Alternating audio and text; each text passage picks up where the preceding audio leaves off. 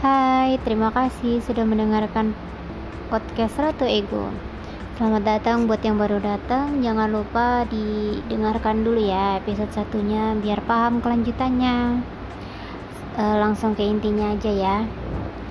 Ini tentang aku dan egoku.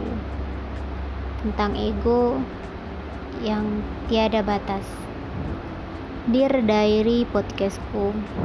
Dia bocah tanggung yang mampu meruntuhkan pertahananku.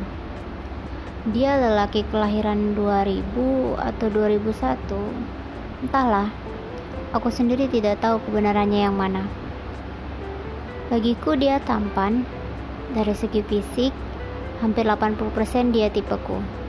Lelaki hidung mancung, kumis tipis, dengan warna kulit sawo matang dan bentuk bibir yang selalu berhasil menggodaku.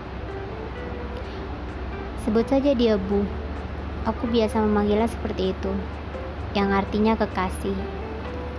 Bukti sebegitu sayangnya aku padanya. Perkenalan kami sangat singkat, tidak sampai sebulan. Dia sudah berhasil memiliki hatiku. Cara dia mengejarku sungguh berbeda dari kebanyakan pria di sekitarku. Perlakuannya padaku sungguh mengusik hatiku sejak awal kita bertemu.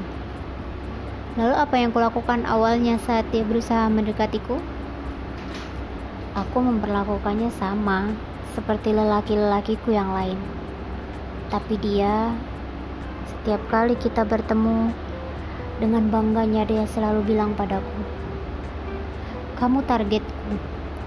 Kamu tujuanku sekarang." Berkali-kali berulang-ulang. Dan aku hanya diam. Sejujurnya aku sedang menanti lelaki lain di saat dia sedang mendekatiku dulu. Lelaki yang sudah menemani hari-hari beratku yang penuh ego selama lima tahun terakhir itu. Aku menantinya. Karena bagiku saat itu hanya dia yang akan mampu terima semua kurangku selama ini. Meski pada akhirnya aku terlambat. Izinkan aku mendeskripsikan singkat tentangnya. Lelaki yang kupanggil ayam karena malu memanggilnya ayang depan orang lain dulu waktu kita masih bersama.